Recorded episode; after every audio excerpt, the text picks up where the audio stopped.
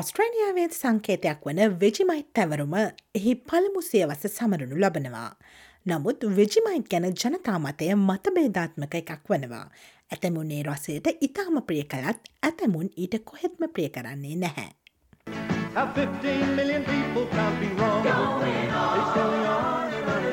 Vegemite goes on forever.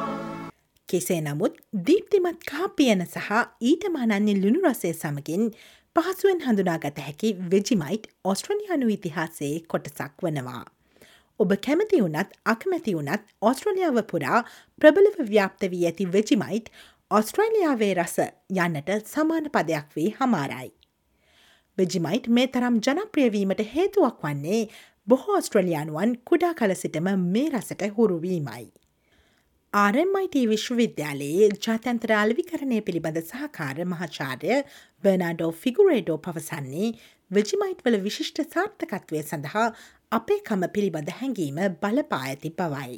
When we're talking about iconic brands and marketing um, that uh, link to heritage and authenticity and the history of the country is very important, especially uh, for Vegemite, which is a brand that really um, signifies much more than a brand or a cultural product, but it's the very soul of Australians. Even if you don't like Vegemite, you still recognize the, the Australianness of Vegemite and you miss Vegemite.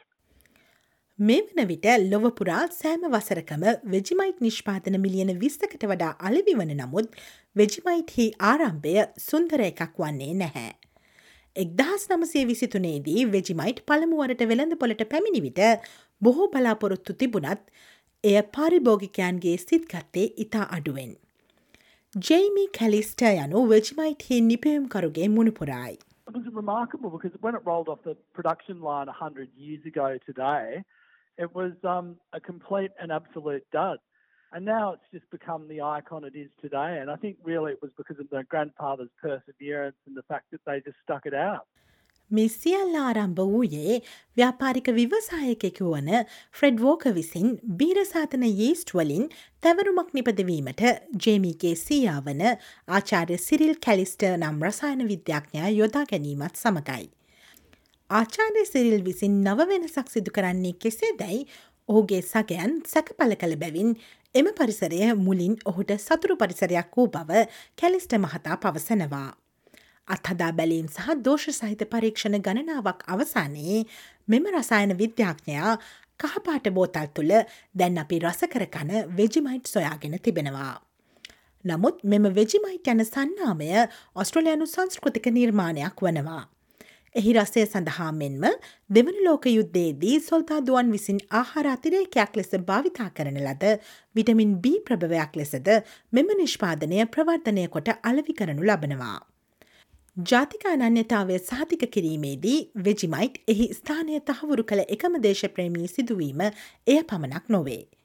මහාචාර්ය ෆිගුරේඩෝ පවසන්නේ Olympic කුලල එහි අලවිකරණයේ සන්ධස්ථානයක් වූ බවයි.